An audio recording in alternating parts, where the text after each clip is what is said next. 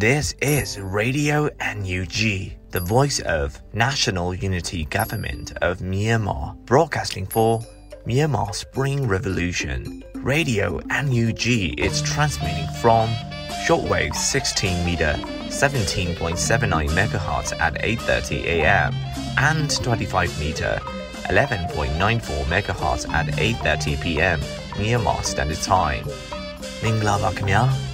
အမျိုးသားညီညွတ်ရေးအစိုးရရဲ့အတန်လွင့်ဌာန Radio NUG ကိုမနက်ပိုင်း၈နာရီခွဲမှာလိုင်းတို16မီတာစက္ကန့်တက်သမ9 MHz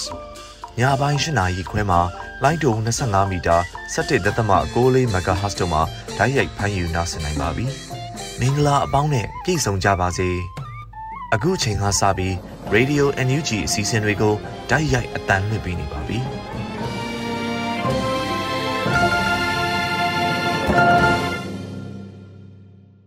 မြန်မာနိုင်ငံသူနိုင်ငံသားအပေါင်းတဘာဝပြီးဆရာနာရှင်ပြီးတို့ကနေကင်းဝေးပြီးကိုစိတ်နှစ်ပါးဘေးကင်းလုံခြုံကြပါစေလို့ရေဒီယိုအန်ယူဂျီဖွဲ့သားများကဆုတောင်းမြတ်တာပို့သလိုက်ရပါတယ်ရှင်။ခုချိန်ကစပြီးကာကွယ်ရေးဝန်ကြီးဌာနရဲ့စစ်ရေးသတင်းချင်းချုပ်ကိုတော့နေဦးနေကမှဖတ်ကြားတင်ပြပေးပါတော့မယ်ရှင်။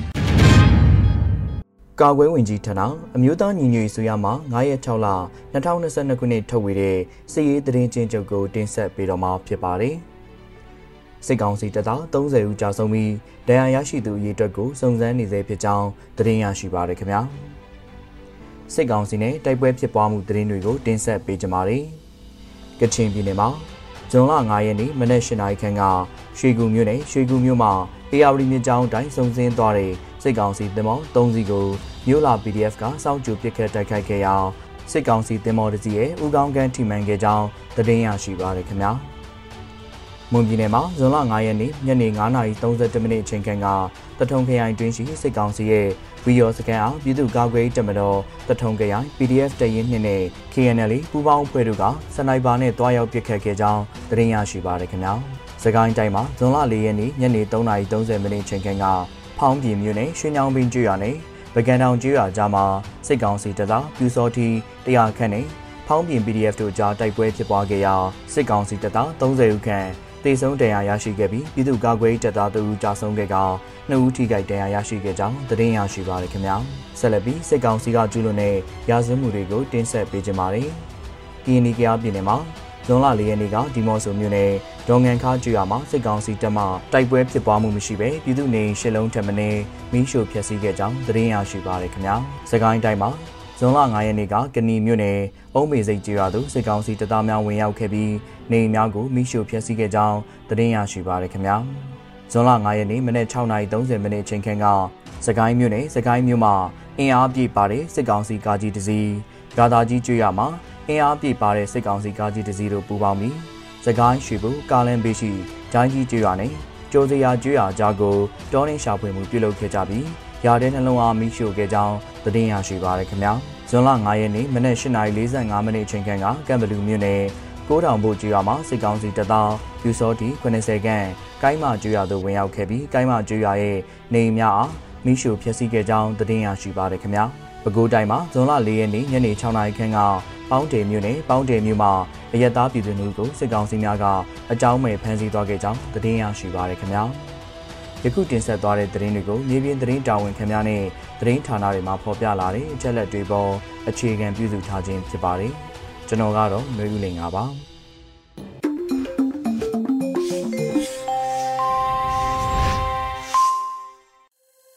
ရေဒီယိုအန်ယူဂျီရဲ့မနက်ခင်းစီစဉ်တွေကိုဆက်လက်တင်ပြနေပါတယ်။အခုဆက်လက်ပြီးနောက်ဆုံးရသတင်းများကိုမျိုးဦးမွန်မှဖတ်ကြားတင်ပြပေးပါရမရှင်။ မင်္ဂလာပါရှင်နောက်ဆုံးရသတင်းများကိုတင်ဆက်ပေးသွားမှာပဲဖြစ်ပါတယ်ခုတင်ဆက်မဲ့သတင်းတွေကိုတော့ Radio Energy သတင်းတာဝန်ခံတွေနဲ့ခိုင်လုံတဲ့မိဘသတင်းရင်းမြစ်တွေကအခြေခံတင်ပြထားတာဖြစ်ပါတယ်ဥရောပနိုင်ငံခီးစဉ်များအတွက်လက်နက်အကူအညီတောင်းခံခဲ့တယ်လို့ပြည်ထောင်စုဝန်ကြီးဒေါက်တာဇော်ဝေစုပြောကြားတဲ့သတင်းကိုဥစွာတင်ဆက်ပေးကြပါမယ်ဇွန်လအတွင်းတွေ့ဆုံမေးမြန်းကမှာပညာရေးနဲ့ကျန်းမာရေးဝန်ကြီးဒေါက်တာဇော်ဝေစုကအခုလိုပြောဆိုခဲ့တာပါကျွန်တော်တို့ကတော့ကာဝေးရေးနဲ့ပတ်သက်ရင် ကျွန်တော်တို့လိုအပ်ချက်ဟာလက်နက်ဖြစ်တယ်ဆိုတာလည်းကျွန်တော်တို့ပြောခဲ့တယ်လက်နက်လူချင်တာဘာကြောင့်လဲဆိုတာသူတို့ကိုကျွန်တော်ရှင်းပြတယ်လူတွေကိုတတ်ချင်လို့လူတွေကိုသေစေချင်လို့လူတွေအခက်ခဲဖြစ်အောင်လို့မဟုတ်ဘူးကျွန်တော်တို့ကိုလက်နက်ပေးလိုက်မယ်ဆိုရင်အသေးအပြောက်ပိုနေသွားမယ်တစ်ဖက်ကလည်းထိမ့်ပြီးသားဖြစ်သွားမယ်ဆိုတာပြောခဲ့တယ်လို့ဝန်ကြီးကဆိုပါတယ်။ European External Action Service EEAS ရဲ့ Deputy Managing Director ဖြစ်သူနဲ့ပြည်ထောင်စုဝန်ကြီးဒေါက်တာဇော်ဝေဆိုးတို့တွေ့ဆုံခဲ့တယ်လို့ဇွန်လ၁ရက်နေ့မှာဥရောပသမဂ္ဂမြန်မာကသတင်းထုတ်ပြန်ခဲ့ပါတယ်။ မြို့သားညီညွတ်ရေးအစိုးရကျမိုင်းဝန်ကြီးဌာနနဲ့ပညာရေးဝန်ကြီးဌာနပြည်ထောင်စုဝန်ကြီးပါမောက္ခဒေါက်တာဇော်ဝေဆိုးဟာမေလ25ရက်နေ့ကလည်း UK နိုင်ငံလန်ဒန်မြို့တော်မှာရှိတဲ့နိုင်ငံခြားရေးဒနသဟာယနဲ့ဖွံ့ဖြိုးရေးဝန်ကြီးဌာနယုံ Foreign Commonwealth and Development Office မှာ UK နိုင်ငံအာရှနဲ့အရှေ့အလယ်ပိုင်းဆိုင်ရာနိုင်ငံခြားရေးဝန်ကြီးနဲ့ပါလီမန်အမတ်ဖြစ်သူတို့နဲ့တွေ့ဆုံဆွေးနွေးခဲ့ကြပါသေးတယ်ရှင်။ တဘာပဝစ်ကျင်ထိမ့်သိမ့်ကာကွယ်ရေးဆိုင်ရာအသိပညာပေးလုပ်ငန်းတွေဟာမြေကဘာအတွက်အရေးကြီးတယ်လို့ပြည်ထောင်စုဝန်ကြီးဒေါက်တာတူကောင်ပြောဆိုတဲ့သတင်းကိုဆက်လက်တင်ဆက်ပေးကြပါမယ်။ဇွန်လ9ရက်နေ့မှာတရားစာတာနဲ့တဘာဝပဝစ်ကျင်ထိမ့်သိမ့်ဝန်ကြီးဌာနနဲ့ Count for You Federal Private School တို့ပူးပေါင်းစီစဉ်တော့ကမ္ဘာပဝစ်ကျင်ထိမ့်သိမ့်ရေးနေ့အခမ်းအနားမှာဝန်ကြီးဒေါက်တာတူကောင်ကဘောဘဝင်းကျင်ထိမ့်သိမ်းကာကွယ်ရေးဆိုင်ရာအသိပညာပေးလုပ်ငန်းတွေဟာဒီနေ့မြေကဘာအတွက်အထူးအရေးကြီးပါတယ်အထူးသဖြင့်တော့ပညာရေးကဏ္ဍပေါ့ပညာရေးကဏ္ဍမှာပဝင်းကျင်ထိမ့်သိမ်းရေးအတွက်ကိုစ ကားပြောကားစကလေးငယ်တွေကစာပြီးပြုစုပြောထောင်သွားဖို့ကအင်မတန်အရေးကြီးပါတယ်လို့ဝန်ကြီးကဆိုပါတယ်ဆီယနာသိမ်းပြီးနောက်တဘောပဝင်းကျင်ထိမ့်သိမ်းရေးလုပ်ငန်းများဟာဒေသဆိုင်ရာတွေမှာလေ့ဟာခဲ့ပြီးတရားမဝင်တစ်ခိုးထုတ်မှုများများပြခဲ့ပါတယ်ရှင်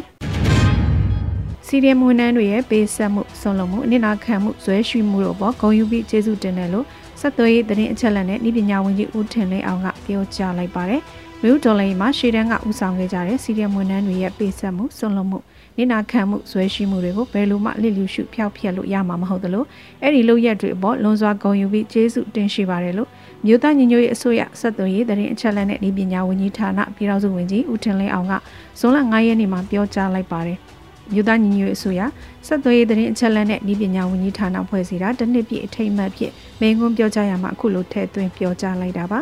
ဒါအပြင်ပြည်ထောင်စုဝန်ကြီးဦးထင်လဲအောင်ကဝန်ကြီးဌာနစတင်ဖွဲ့စည်းချိန်မှာစပြီးဆက်သွယ်ရေးဤပညာနဲ့မီဒီယာစတဲ့ကဏ္ဍအသီးသီးမှာစိတ်အားထက်သန်စွာပါဝင်ကူညီခဲ့ကြတဲ့ပညာရှင်တွေ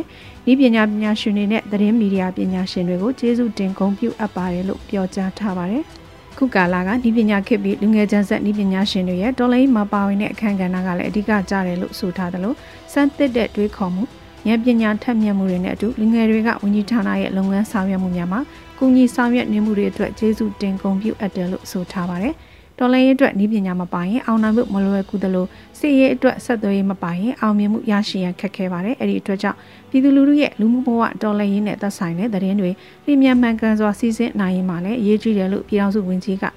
ထောက်ပြပြောဆိုထားပါတယ် ဆက်သွယ်ရေးသတင်းအချက်အလက်နဲ့ဤပညာဝန်ကြီးဌာနအနေနဲ့အပေါ်မှာဖော်ပြခဲ့တဲ့တာဝန်တွေကိုကျေပြင်းစွာလှုပ်ဆောင်နိုင်ဖို့အရေးပြည်သူတွေကပေးတဲ့ခွန်အားငွေအားပညာအချိန်တွေကိုအသုံးပြုခွင့်ရရှိတဲ့အတွက်တန်မိုးထဂုံပြုရပါတယ်ဆိုပြီးတော့လည်းပြည်ထောင်စုဝန်ကြီးဦးထင်လင်းအောင်ကပြောကြားခဲ့ပါတယ်ရှင်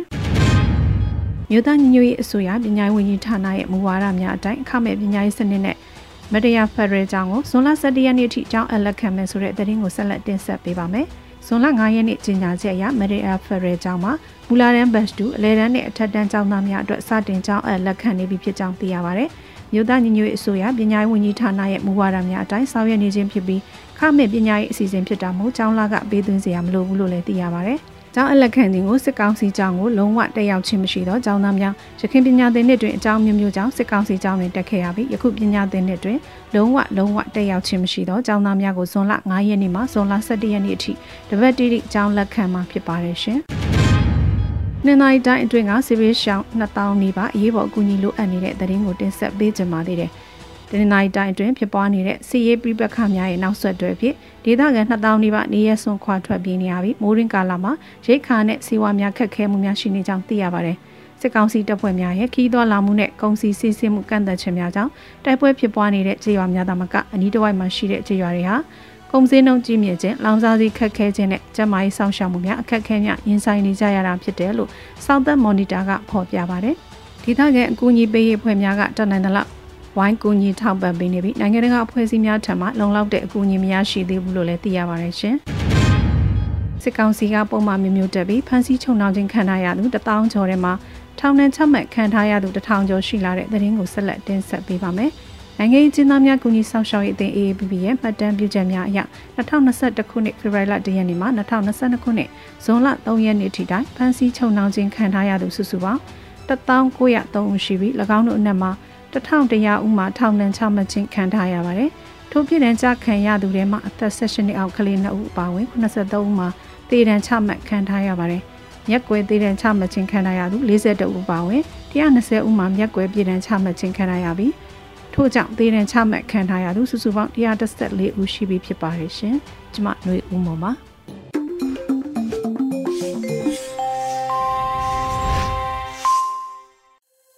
အခုဆက်လက်ပြီးစစ်ပေးရှောင်သူတတန်းကျော်လာတဲ့မြန်မာနိုင်ငံရဲ့လက်နက်ကင်ပြည်ပကလို့အမည်ရတဲ့မြန်မာ့မျိုးခရိုနီကယ်ဇွန်လေးမြင်ကွင်းကိုရေဦးမောင်မှဖက်ကြားတင်ပြပေးပါမယ်ရှင်။ယခုဆက်လက်ပြီးတင်ဆက်ပေးမှာကတော့မြန်မာ့မျိုးခရိုနီကယ်ဇွန်လ၄ရက်နေ့မြင်ကွင်းစစ်ပေးရှောင်သူတတန်းကျော်လာတဲ့မြန်မာနိုင်ငံရဲ့လက်နက်ကင်ပြည်ပကလို့မြည်ရတဲ့မုံမခဆောင်ပါပဲဖြစ်ပါတယ်။ယမန်နှစ်ဖေဖော်ဝါရီ၁ရက်နေ့စစ်အာဏာမသိမ်းမီက မြန်မာနိုင်ငံမှာစစ်ဘေးရှောင်ဥယျာဉ်3သိန်းကျော်ရှိခဲ့ရာကတနစ်ခွဲဝန်းကျင်အကြာမှာစစ်ဘေးရှောင်ဥယျာဉ်3တန်းကျော်ရှိခဲ့ပြီဖြစ်ပါတယ်။စစ်အာဏာသိမ်းပြီးနောက်လက်နက်ကင်ပြည်ပခါတွေဗိုလ်ကျဲပြန့်လာပြီးစစ်အာဏာမသိမ်းမီတိုင်းရင်းသားလက်နက်ကင်အဖွဲ့20ကျော်20ဝန်းကျင်ရှိခဲ့ရာကစစ်အာဏာသိမ်းပြီးနောက်ဒေသအလိုက်မြို့အလိုက်လူမျိုးစုအလိုက်မျိုးနယ်အလိုက်ပေါ်ထွက်လာတဲ့လက်နက်ကင်အဖွဲ့ပေါင်း900ကျော် NUG ဝန်ကြီးဒေါက်တာဇော်ဝေဆိုးပြောဆိုချက်ကိုကိုးကားအထီတိုးပွားလာပြီး လက်နက်ကိုင်တိုက်ပွဲတွေမြန်မာနိုင်ငံအနှံ့ဖြစ်ပွားလာကအခုလိုစစ်ပေးရှောင်9သိန်းကျော်ထပ်မံတိုးပွားလာတာဖြစ်ပါတယ်။ဒီစစ်ပေးရှောင်အရေးအတွက်ကိန်းဂဏန်းဟာ UNOCHA UNOCHA လို့ခေါ်တဲ့ကုလသမဂ္ဂလူသားချင်းစာနာမှုဆိုင်ရာညှိနှိုင်းရေးရုံးကအခုရက်ပိုင်းအတွင်းထုတ်ပြန်ခဲ့တာဖြစ်ပါတယ်။ဒီကိန်းဂဏန်းတွေထဲမှာထပ်မံဆင်းငုကြည့်ရင်တကောင်စင်းအရာလူဦးရေ3သိန်းခွဲကျော်ရှိတဲ့ကရားပြည်နယ်လူမျိုးမှာ စစ်ဘေးရှောင်ဒုက္ခသည်2သိန်းကျော်ရှိနေတယ်လို့လည်းသတင်းဖော်ပြမှုတွေမှာတွေ့ရမှာဖြစ်ပါတယ်။ပြည်နယ်လူဦးရေရဲ့ထက်ဝက်ကျော်ကစစ်ဘေးရှောင်နေရတဲ့သဘောလည်းဖြစ်ပါတယ်။ယမန်နှစ်နှောင်းပိုင်းတုန်းကပြည်နယ်မြို့တော်လွိုက်ကော်တစ်မြို့လုံးနီးပါးဒိန်းရှောင်ခဲ့ကြရတဲ့အချိန်တွေလည်းရှိခဲ့ပါတယ်။ကရားပြည်နယ်လိုပဲအချိန်နေအစိုးဆုံးလို့ဆိုနိုင်တဲ့လူဦးရေလည်းများပြီးမြို့နယ်အရေးအတွက်များတဲ့တိုင်းဒေသတစ်ခုဖြစ်တဲ့စကိုင်းတိုင်းမှာလည်းမြို့နယ်ပေါင်းများစွာကကြေးရွာတွေမှာလူတွေတိမ်းရှောင်ထွက်ပြေးနေကြရတာဖြစ်ပါတယ်။ နေအိမ်မီးရှို့ခံရတဲ့တဲ့င်းတွေပစ္စည်းတွေဖျက်ဆီးခံရတာလူရက်ယူဆောင်သွားခံရတာအသက်ဆုံးရှုံးတာတွေကနေ့စဉ်ကြားနေကြတဲ့င်းတွေလိုဖြစ်နေပြီးတိုင်းတိုင်းလုံးအနေနဲ့ဆိုတိမ့်နဲ့ချီတဲ့ဒေသခံတွေစစ်ပေးတိမ်းရှောင်နေကြရတာဖြစ်ပါတယ်။စစ်ပေးရှောင်တွေရဲ့ရင်ဆိုင်နေရတဲ့အခက်အခဲကပိုက်ဆိုင်မှုဆုံးရှုံးတာတွေမကပဲတိမ်းရှောင်တဲ့နေရာတွေမှာဆက်လက်အသက်ရှင်တန်ဖို့ရိတ်ခါဝယ်ယူဖို့အခက်အခဲရှိတာဝယ်ယူနိုင်အားမရှိတာပိတ်ဆို့မှုဖျက်တောက်မှုအဟန့်အတားတွေနဲ့ဈေးနှုန်းတွေကြီးမြင့်လာတာတပူပေါ်နပူဆင့် ကမ္ဘာရေနံဈေးကြီးမြင့်တာရဲ့ကြရက်ကုံစင်းနှုန်းတွေကြီးမြင့်တာတွေကိုတပြိုင်နက်တည်းရင်ဆိုင်နေကြရတာဖြစ်ပါတယ်။စစ်ပေးဆောင်ဒေသတွေမှာစခန်းလို့ခေါ်ပေမဲ့စခန်းအင်ကာရက်နဲ့ဘာမှမပြည့်စုံတဲ့နေရာထိုင်ခင်းတွေမှာမကြမ်းမမာဖြစ်ခဲ့ရင်လည်းကုသဖို့စေကံစေဝါမရှိတာတွေကအသက်ရှင်တန်ရေးကျန်းမာရေးအခက်အခဲတွေဖြစ်ပါတယ်။ ဒါတင်မကသေးပါဘူးပညာရေးဘက်ကကြည့်မယ်ဆိုရင်လည်းစာသင်တဲ့အရွယ်ကလေးငယ်တွေလူငယ်တွေဟာမိဘတွေနဲ့အတူစစ်ဘေးတင်းရှောင်နေကြရပြီးပညာရေးပါအဆက်ပြတ်တင်ယူခွင့်မရတော့တဲ့အခြေအနေတွေဖြစ်ပါတယ်။အခုရက်ပိုင်းအချို့သောဒေသတွေမှာဆန္ဒပြတဲ့ကြွေးကြော်တန်ကမြို့ပေါ်ကចောင်းသားတွေကចောင်းတက်ချိန်မှာကျေးလက်ကចောင်းသားတွေကအိတ်ဆွဲပြီးပြေးနေရတယ်ဆိုတဲ့ကြွေးကြော်တန်ဖြစ်ပါတယ်။မြို့ပေါ်ကအခြေအနေထက်ကိုကျေးလက်မှာနေထိုင်ကြရသူတွေရဲ့အခြေအနေက အပုံကြီးခတ်ခဲတာအသက်ဘေးနဲ့နီးတာဆုံးရှုံးမှုများတာဖြစ်ပါတယ်။ဒီလိုတသန်းကြော်လာတဲ့စစ်ပေးရှောင်တွေအတွက်ရိတ်ခါလုံလောက်ရေးစေဝါရရှိရေးအသက်ဘေးလွတ်မြောက်ဖို့လုံခြုံမှုရှိတဲ့နေရာမှာနေထိုင်နိုင်ရေးအမိုးအကာလုံလုံခြုံခြုံရှိရေးကလေးတငယ်တွေရဲ့ပညာရေးကိစ္စတွေဖြေရှင်းနိုင်ဖို့ကမေးခွန်းသာရှိပြီးအဖြေမရှိတဲ့ပြဿနာလိုဖြစ်နေစေပါကုလသမဂ္ဂရဲ့ WFP အဖွဲ့အနေနဲ့ အခုရက်ပိုင်းကရားပြည်နယ်ဒမော့ဆိုမြို့နယ်ကကျေးရွာတွေမှာရိတ်ခါဝင်ခါတာတွေစတင်လှုပ်ဆောင်နေတာသတင်းတွေထဲဖော်ပြထားတာတွေ့ရပါတယ်။တနစ်ကျော်ကာလအတွင်းပြိပခဖြစ်ပွားတဲ့ဒေသတွေအကူအညီလိုအပ်နေတဲ့ဒေသတွေကအချို့ကိုကူညီနိုင်တာခုတစ်ချိန်ပထမဆုံးဖြစ်ပါတယ်။ပြီးခဲ့တဲ့နှစ်ကမင်းတပ်ဘက်ကိုတစ်ချိန်ကြက်ချင်ဒီတပ်ဖွဲ့ကုလသမဂ္ဂအဖွဲ့အစည်းတွေရိတ်ခါနဲ့အခြားအသုံးဆောင်တွေကိုပေးဝေဖို့တွားရောက်ခဲ့တာရှိပေမဲ့ဓာတ်ရိုက်မပေးဝေနိုင်တဲ့အကြက်တဲတွေဖြစ်ပွားခဲ့တာပါ။ အခုကရားပြည်နယ်ရဲ့ဒေသအချို့မှာသာဝေငှနိုင်တာဖြစ်ပြီးအမှန်တကယ်လိုအပ်တဲ့စစ်ပေးချောင်အများပြားစီလက်လန်းမမီမပေးဝေနိုင်သေးတာလည်းဖြစ်ပါတယ်။စကိုင်းတိုင်းလိုဒေသမျိုးကိုမကူညီနိုင်သေးတာလည်းတွေ့ရပါတယ်။မြန်မာနိုင်ငံရေးအကြက်အတဲနဲ့ရင်ဆိုင်နေကြရတဲ့လူသားချင်းစာနာမှုအကူအညီတွေအတွက်ကုလသမဂ္ဂကနိုင်ငံတကာကိုအကူအညီထည့်ဝင်ကြဖို့နှိုးဆော်ထားတဲ့တောင်းခံထားတဲ့ပမာဏလည်းပြေဝစွာမရရှိသေးဘူးလို့သတင်းအချို့ကရေးသားထားကြတာတွေ့ရပါတယ်။ တချို့နိုင်ငံရေးသမားတွေကဒီလိုဒုက္ခတွေတွေများများထွက်ပေါ်လာအောင်စစ်ကောင်စီကရည်ရွယ်လုပ်ကင်တာဖြစ်တယ်ဆိုတဲ့ယူဆချက်ဆွဆွဲချက်တွေလည်းထွက်ပေါ်နေပါတယ်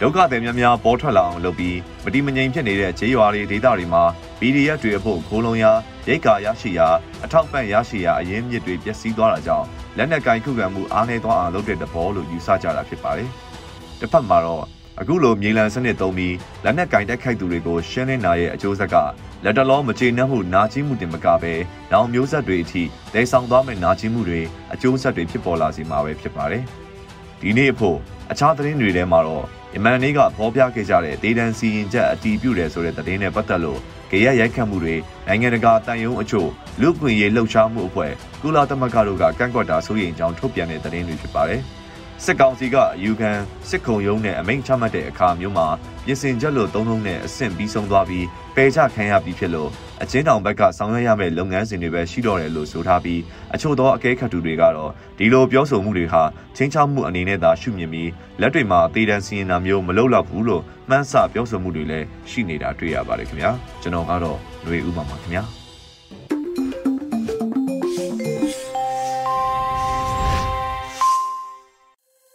ရေဒီယိုအန်ယူဂျီရဲ့မနက်ခင်းစီစဉ်တွေကိုဆက်လက်တင်ပြနေပါတယ်။အခုတစ်ခါပြည်သူခုခံစစ်တရင်များကိုကြော်နေဦးမှဖက်ကြားတင်ပြပေးပါမယ်ရှင်။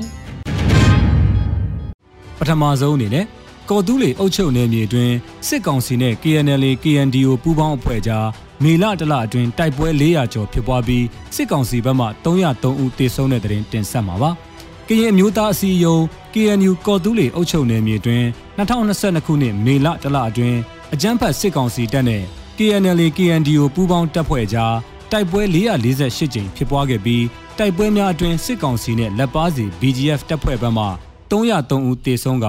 215ဦးထိခိုက်ဒဏ်ရာရကြောင်း KNU ကသတင်းထုတ်ပြန်ထားပါတယ်။ကော်တူးလီနယ်မြေတွင်စစ်ကောင်စီတပ်နဲ့ KNL ပူးပေါင်းအဖွဲ့ကြားမေလမှာနေ့စဉ်တိုက်ပွဲများဖြစ်ပွားခဲ့ပြီး KNL ဘက်မှ9ဦးကြာဆုံးက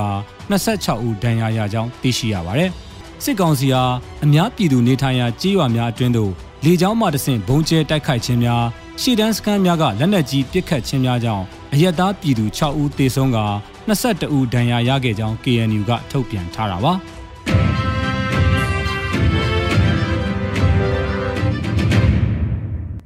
ရော YPDF စကန်ဝင်စီးတဲ့စစ်ကောင်စီတပ်မိုင်းမိပြီးစစ်သား၈ဦးသေဆုံးတဲ့တဲ့ရင်ဆက်လက်တင်ဆက်ပါမယ်။ မကွေးတိုင်းဂံကောမြို့နယ်ရှိရောဒေတာပြည်သူ့ကာကွယ်တပ်ဖွဲ့ YPDF စကန်ကိုဇွန်လ၄ရက်နေ့မှာစစ်ကောင်စီတပ်ကဝင်ရောက်စီးနင်းခဲ့ရာတွင်မိုင်းမီပြီးစစ်သား၈ဦးတေဆုံးကြောင်း YPDF ကသတင်းထုတ်ပြန်ပါတယ်။ဇွန်လ၄ရက်နေ့ရောဒေတာပြည်သူ့ကာကွယ်တပ်ဖွဲ့ YPDF တပ်ရင်း1တပ်ခွဲ2ကိုဝင်ရောက်ထိုးစစ်ဆင်စီးနင်းခဲ့တဲ့အင်အား80ခန့်ပါရှေ့ပြေးအဖွဲ့တစ်ခုဟာတက်ခွဲနှစ်မှရဲဘော်များထောင်ထားခဲ့တဲ့စုံမိုင်းမိခဲ့ကြောင်းတော်တွင်ပုံအောင်နေတဲ့ဒေတာခံများရဲ့သတင်းပေးပို့ချက်အရ စစ်ကောင်စီအကြမ်းဖက်တပ်ကအလောင်းရှစ်လောင်းထမ်းကစခန်းကုန်းမှဆင်းလာတာကိုမြင်တွေ့ရကြောင်းယနေ့ဇွန်လ9ရက်နေ့နနက်မှာစစ်ကောင်စီအကြမ်းဖက်တပ်တွေက6လှန့်ပစ်ခတ်ပြီးနောက်ကျောင်းပြန်လှည့်နေကြောင်း YPDF ကသတင်းထုတ်ပြန်ပါတယ်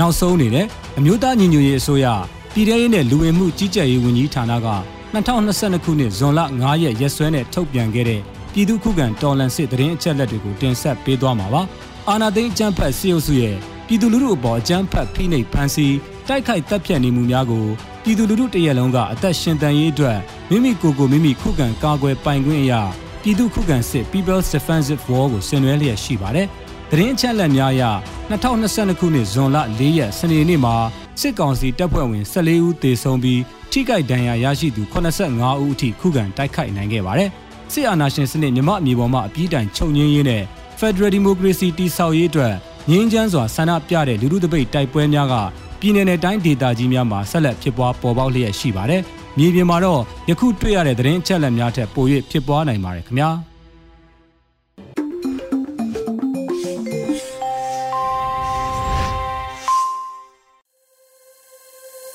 ခုခါနားဆင်ကြရမှာကတော့ PPTV ရဲ့နေ့စဉ်သတင်းများကို မေတူးမှဖတ်ကြားတင်ပြပေးပါမယ်ရှင်။ပထမအဆုံးတင်ဆက်ပေးမယ့်သတင်းကတော့အကြံဖက်စစ်ကောင်စီကဥပဒေမဲ့တရားစီရင်ခြင်းတွေပြုလုပ်နေတဲ့အပေါ်မှာလုံးဝတာဝန်ခံရလိမ့်မယ်လို့တရားရေးဝန်ကြီးဌာနကထုတ်ပြန်လိုက်တဲ့သတင်းမှာ အကြမ်းဖက်စစ်ကောင်စီကဥပဒေမဲ့တရားစီရင်တာတွေတေတံအတီးပြူတာတွေနဲ့နှီးမျိုးစုံနဲ့ဥပဒေချိုးဖောက်နေမှုတွေကိုပြင်းထန်စွာကန့်ကွက်ရှုံချရဲဆိုတာနဲ့သက်ဆိုင်သူအားလုံးကိုထိရောက်စွာအရေးယူဆောင်ရွက်မှာဖြစ်ပြီးနောက်ဆက်တွဲဖြစ်ပေါ်လာမယ့်အကျိုးဆက်တွေအားလုံးအတွက်ကိုလည်းအကြမ်းဖက်စစ်ကောင်စီကလုံးဝတာဝန်ခံရလိမ့်မယ်လို့အမျိုးသားညီညွတ်ရေးအစိုးရတရားရေးဝန်ကြီးဌာနကဇွန်လ၄ရက်ရက်စွဲနဲ့ကြေညာချက်ထုတ်ပြန်လိုက်ပါတယ်။ ထုတ်ပြန်ချက်ထဲမှာ88မျိုးဆက်ចောင်းသားခေါင်းဆောင်ကိုကျင်မီကိုဖြိုးစရာတော်နဲ့လူပုတ်ကိုနှစ်ဦးအပါအဝင်နိုင်ငံတော်ဝန်လုံးရှိအပြစ်မဲ့ပြည်သူတွေအပေါ်ကိုအကြမ်းဖက်စစ်ကောင်စီရဲ့တေတံအတီးပြုတ်ခြင်းများနဲ့အကြမ်းဖက်စစ်ကောင်စီရဲ့လက်အောက်ခံတရားရုံးတွေကချက်မှတ်တဲ့ပြစ်ဒဏ်တွေအလုံးကမြန်မာနိုင်ငံရဲ့တည်ဆဲဥပဒေတွေနဲ့အပြည်ဆိုင်ရာဥပဒေတွေကိုပြောင်းပြောင်းတင်းတင်းချိုးဖောက်တာဖြစ်တယ်လို့ဖော်ပြထားပါတယ်။ အကြမ်းဖက်စစ်ကောင်စီအနေနဲ့ယခုကဲ့သို့ဥပဒေမဲ့အညွန့်အတေးအာဃာရတွေနဲ့တရားစီရင်ရေးကိုစိတ်ထင်ရာတစ်ဖက်သက်လှုပ်ဆောင်တာနဲ့တေတံကိုအတီးပြုတ်လှုပ်ဆောင်တာကကြီးလေးတဲ့ပြစ်မှုကြီးကိုကျူးလွန်တာဖြစ်တယ်လို့ဆိုပါတယ်အကြမ်းဖက်စစ်ကောင်စီအလို့ကြအမှုတွေကိုစစ်ဆေးစီရင်နေတဲ့တရားရုံးတွေနဲ့အဲ့ဒီတရားရုံးတွေကချမှတ်တဲ့စီရင်ချက်အမိန့်တွေကတရားဝင်မှုလုံးဝမရှိဘူးလို့ဆိုထားသလိုအဲ့ဒီတရားဝင်မှုမရှိတဲ့စီရင်ချက်အမိန့်များကို အတည်ပြုဆောင်ရွက်နေကြတဲ့စစ်ကောင်စီလက်အောက်ခံအဖွဲ့အစည်းများနဲ့လူပုတ်ကိုများအနေနဲ့ဥပဒေမဲ့ဆောင်ရွက်ချက်များကိုမတိကျိုးကျွံပြူတာအကြမ်းဖက်စစ်ကောင်စီရဲ့အလိုကျလိုက်ပါဆောင်ရွက်နေတာတွေကရာဇဝတ်မကင်းတဲ့ပူပေါင်းလှုပ်ဆောင်နေတာဖြစ်ပြီးတော့ပြည်သူလူထုနဲ့ဥပဒေရဲ့တန်ခတ်အရေးယူခြင်းကိုမလွဲမသွေခံကြရမှာဖြစ်တယ်လို့ဖော်ပြထားပါတယ်။ အကြမ်းဖက်စစ်ကောင်စီအလို့ကြားအမှုတွေကိုစစ်ဆေးစီရင်နေတဲ့လောက်ခံတရားရုံးတွေတရားရေးဝန်ထမ်းတွေဥပဒေဝန်ထမ်းတွေကရာဇဝတ်မှုများကိုကျူးလွန်နေကြတဲ့ရာဇဝတ်ခိုင်းသားများသာဖြစ်တဲ့ဆိုတာကိုလည်းကြေညာချက်အမတ်9မြင်းဆောင်2021နဲ့တရားရေးဝန်ကြီးဌာနကထုတ်ပြန်ကြေညာခဲ့ပြီးဖြစ်တယ်လို့ထုတ်ပြန်ချက်မှာဖော်ပြထားတာတွေ့ရပါတယ်ရှင်။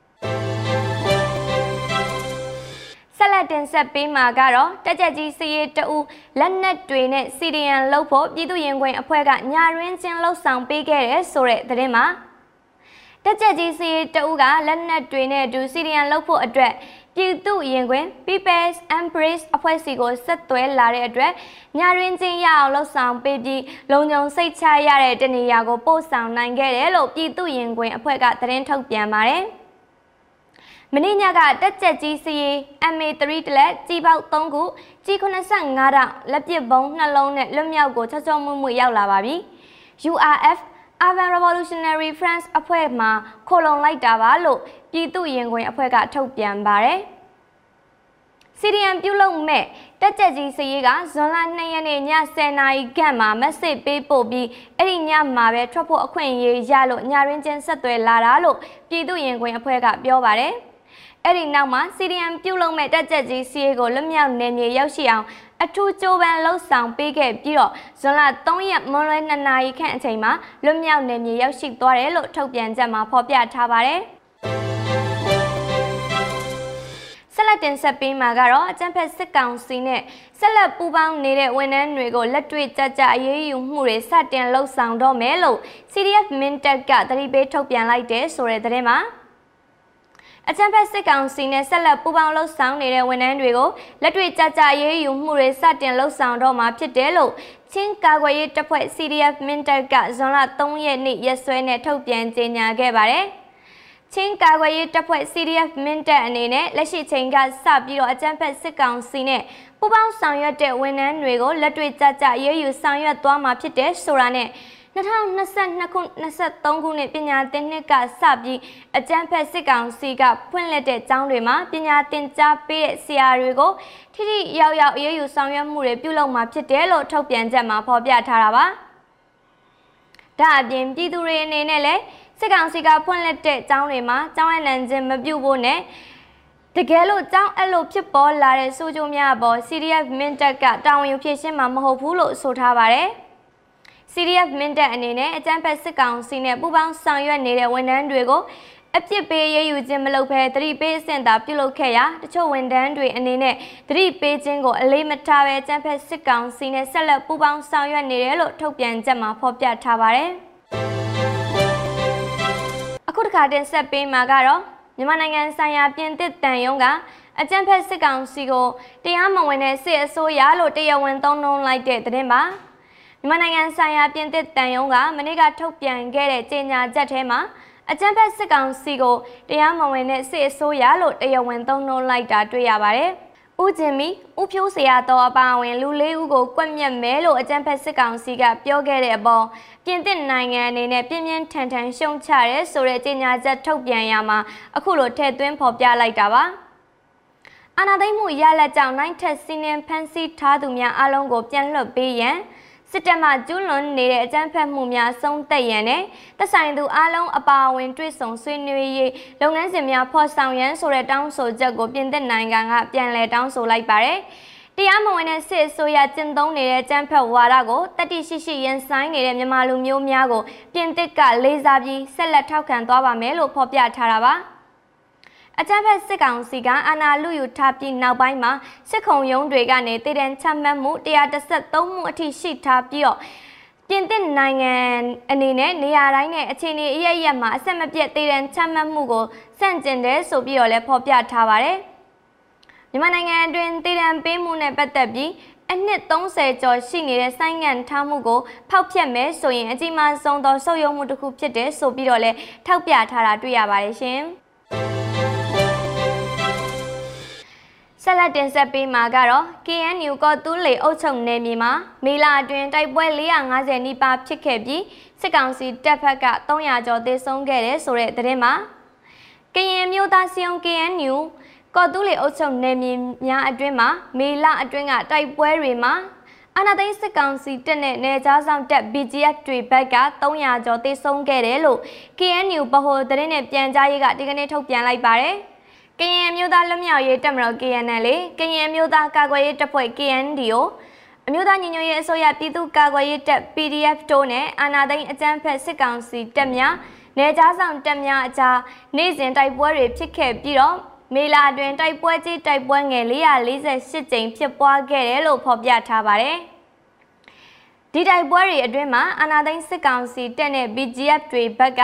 303ဦးသေဆုံးက215ဦးဒဏ်ရာရခဲ့သလို KNL KNDO နဲ့ပူးပေါင်းတပ်တွေဘက်က9ဦးကြာဆုံးက26ဦးဒဏ်ရာရခဲ့ကြောင်းထုတ်ပြန်ခဲ့ပါတယ်။အာနာသိန်းစကောင်စီတပ်တွေကလေရင်နဲ့ပုံကျဲတိုက်ခိုက်တာလက်နက်ကြီးတွေနဲ့ရန်တမ်းပစ်ခတ်တာတွေကြောင့်လည်းအရက်သားပြည်သူ6ဦးသေဆုံးက22ဦးဒဏ်ရာရရှိခဲ့တယ်လို့လည်းဖော်ပြထားပါတယ်။ စစ်ကောင်စီတပ်ကလက်နက်ကြီးတွေနဲ့ကြေးရွာတွေစီကိုရွေချက်ရှိရှိပစ်ခတ်ခဲ့တာကြောင့်လည်းဒေသခံပြည်သူတွေစစ်ဘေးတင်းရှောင်နေကြရပါတယ်။